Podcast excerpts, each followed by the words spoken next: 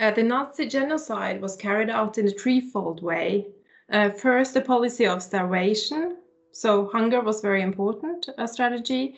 Then you had the Holocaust or the genocide by bullets through executions. And then you had uh, the industrial mass murder um, with gas in the gas chambers. So the starvation policy was an, an intentional part of the Nazi strategy of, of extermination. And if you look at ghettos like the ones in Łódź and in Warsaw, uh, the food supply was insufficient and it was quite clear that it would be insufficient, but it wasn't seen as a problem that people would starve and die from it. And it's difficult to calculate, though, how important hunger was for the Holocaust because um, the Jewish people uh, within um, the area controlled by the Nazi, they were in general meant to starve. Uh, they were intended to die. So uh, those who were killed by bullets or killed by gas, they were in general um, uh, tormented by starvation before they were brought to uh, the extermination sites.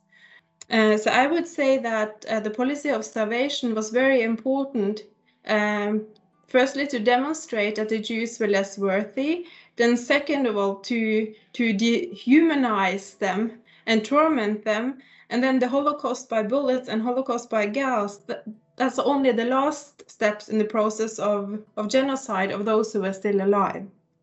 In your uh, research, you have looked into testimonies from the concentration camps. What's the role of hunger in these stories? Uh, in the camps, everybody was hungry. That's a general feature of all testimonies that I've read and heard that um, life in camps uh, was dominated by uh, they were cold, then they, um, uh, they were afraid, and they were hungry.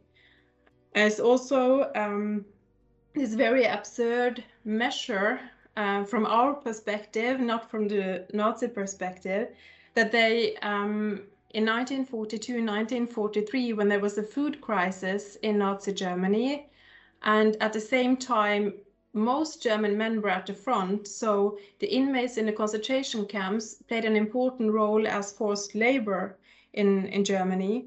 And then in 1942-43, because uh, the food supply for the prisoners was so uh, poor, a lot of people uh, died and the death rate increased immensely.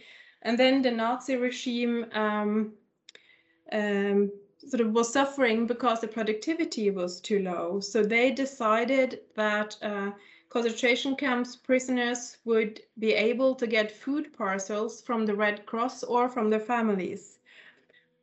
But this was not done to help the prisoners. This was done in order to make them more useful as forced laborer for the armament industry. And um, the second point, and even more important point, is I was a very clear racist measure because if you were Jewish or if you were a Soviet prisoner of war, you were not allowed to receive such parcels and the extra help. And these parcels could really mean the the difference between life and death. It was only the non-Jewish prisoners who would get the extra food and the extra nutrition. Uh, nutrition. To what extent was this policy a result of uh, the food crisis during the war? Was it a question of, uh, of lack of food, basically? Um, that's often been an argument because uh, Germany experienced uh, um, a lot of troubles with the food supply in 1942 or from 1942 on, and this um, this resulted in a food crisis uh, in, in, in, Nazi Germany. But um, I would argue that it's not a result from the war.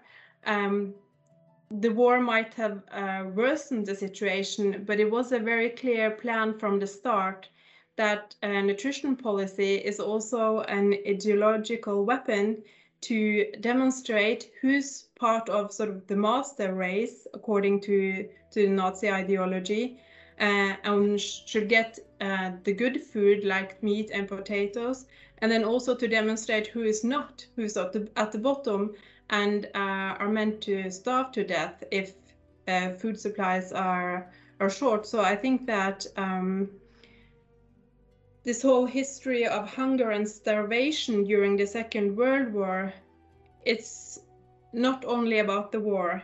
It's also a very clear example of how brutal the Nazi ideology uh, was, and it was quite clear from the beginning that the food supplies would not be enough. Uh, it was very clear that millions of, especially Jewish people and Slavic people, uh, would starve to death, but that wasn't seen as the pro uh, problem. This was, uh, they were at the bottom of the Nazi racist hierarchy and were therefore sort of unworthy. And it wasn't uh, a coincidence that it happened. It was part of the Nazi policy. It was intended. They were aware of it. It was a plan and a policy of starvation. It was no coincidence.